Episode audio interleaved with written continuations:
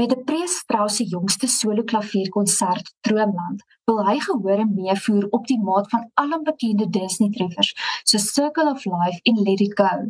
Strauss vertel nou sommer self waar na gehoor en nog kan uitsien. Baie welkom te Pre. De Pre so internasionaal is jy waarskynlik die bekendste as dirigent en musiek as dirigent van die musiekblyspel The Lion King wat omtrent al vir die afgelope 12 jaar in 8 lande gewys het, maar plaaslik ken mense jou vir die Via program My Vreemde Vriende. So dit is nogal twee uiteenlopende produksies en programme. Wil jy dalk 'n bietjie vir ons meer vertel oor dit en hoe dit dan uiteindelik bymekaar kom?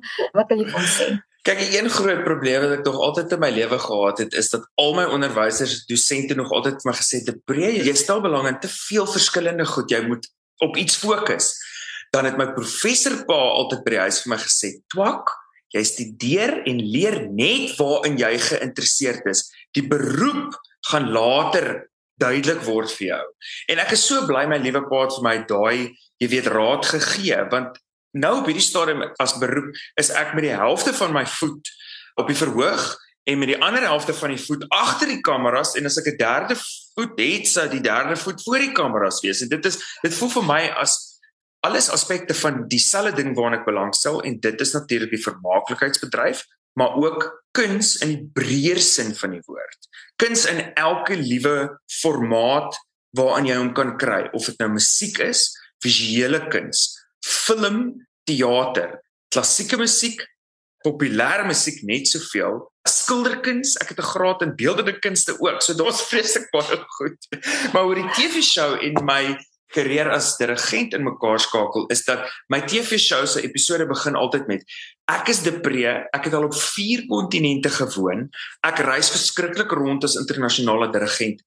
So, ek het 'n onblusbare geïnteresseerdheid in mense en veral mense wat anders is as ek. So in my program in my TV-program gaan besoek ek altyd mense wat so anders is as ek as moontlik, wat ek net op sosiale media ken en dan gaan leer ek ken ek hulle in die regte wêreld. Maar dit is wat normaalweg met my gebeur op 'n daaglikse basis wanneer ek in die vreemdste van lande rondtoer vir hoeveel maande op 'n slag op 'n daaglikse basis word ek gekonfronteer met mense wat totaal anders is as ek. Dit is min of meer hoe die beroep as musikant, dirigent en TV-vervaardiger en TV-aanbieder in mekaar steek. En nou ons gesels nou vandag juis oor Droomland. Dit is 'n musiekproduksie met Afrikaanse storievertellings en wat binnekort by 'n paar kunstefeeste gaan wys.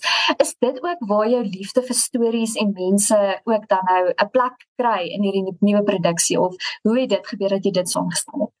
Jy's doodreg want ek is so lief daarvoor om voor die kameras net te staan en te praat. Jy kan 'n kamera aanskakel, ek sal vir jou net heeldag praat. en as ek net so lief vir musiek, natuurlik het ek 'n groot deel van my lewe, meer as 'n dekade, toegewy aan spesifiek Disney se musiek. Want dit voel vir my op so 'n magiese vlak het Disney dit reg gekry en kry dit nog altyd reg al vir byna 100 jaar, nê, om mense van alle ouderdomme te vermaak met opbouende positiewe stories. Daar's nooit iets negatiefs of afbreekend daarin nie. En dit is waar die towerkrag vir my lê in Disney en dis hoekom ek nooit genoeg kan kry van Disney nie. So, jy weet, dit is hoekom ek die geleentheid aangegryp het om nou dat ek terug is in Suid-Afrika Disney na Suid-Afrika toe te bring. Want jy weet Lion King waarmee ek toer oor al die wêreld, dink ek nie gaan weer 'n draai maak in Suid-Afrika nie tensy ons ekonomie baie sterker word. Dit's maar 'n duur storie.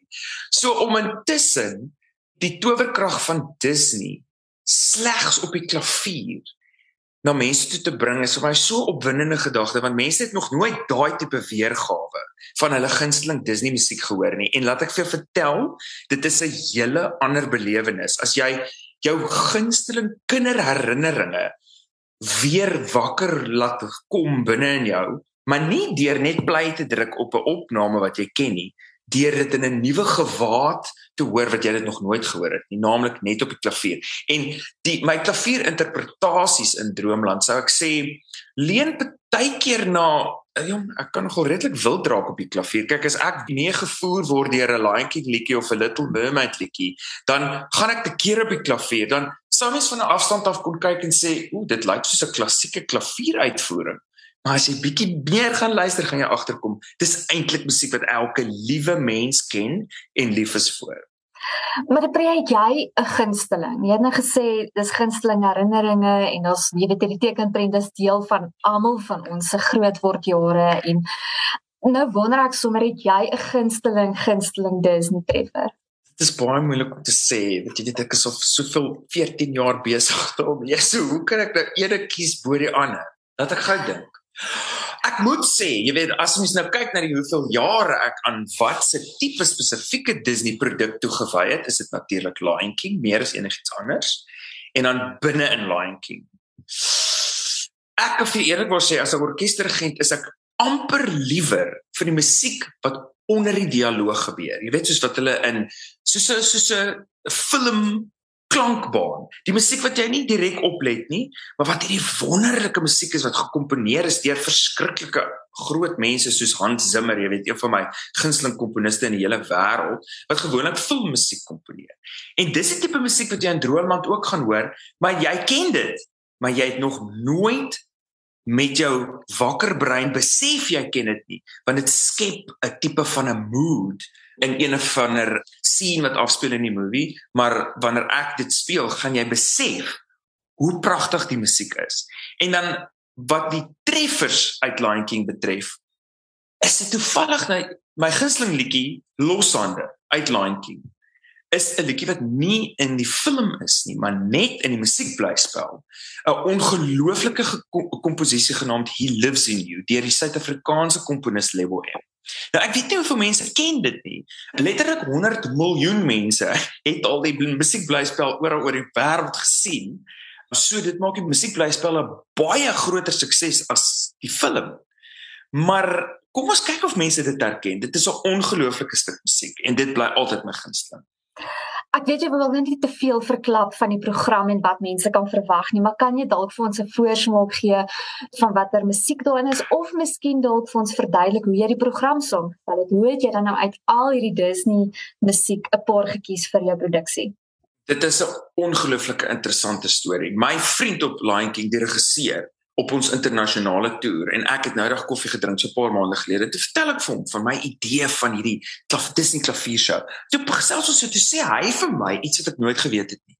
Hy vra vir my: "Besef jy dat alle Disney films is gebaseer op dieselfde storie vertel resep genaamd Die Held se Reis?" Nou die Held se Reis kan jy gaan Google. Dit is 'n baie bekende resep om 'n storie mee te vertel. En in kort is dit 'n sirkelgang Die held moet sy huis verlaat as gevolg van een of ander rede.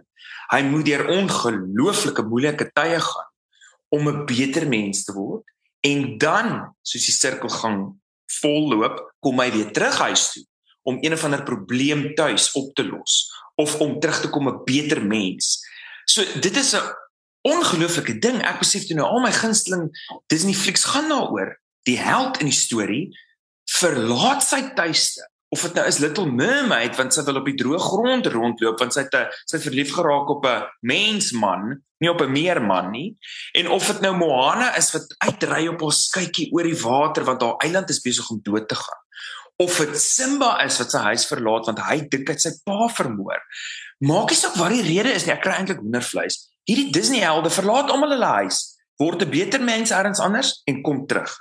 En kan jy nou glo, dis my storie ook ek moet mos nou oral oor die wêreld getoer het vir hoeveel jaar sodat ek kan terugkom waar ek vandaan kom. En weet jy, hoe meer ek reis, elke liewe dag hoe meer weet ek Suid-Afrika is my tuiste. Net voor ek terugkom sê almal altyd vir my, "O, oh, maar beerdkrag, o, oh, die petrolprys. Hoekom wil jy terugkom?" Sê vir hulle, "Julle moet bietjie meer reis. Elke land het sy probleme en ek vat veel eerder Suid-Afrika se probleme want die positiefes van Suid-Afrika weeg vir my baie meer as die negatiefes. Nou ja, dit prie ek hoop Droomland is net die begin van die produksies waarna Suid-Afrikaners kan uitsien. Wanneer en waar kan kykers Droomland sien in die volgende ruk?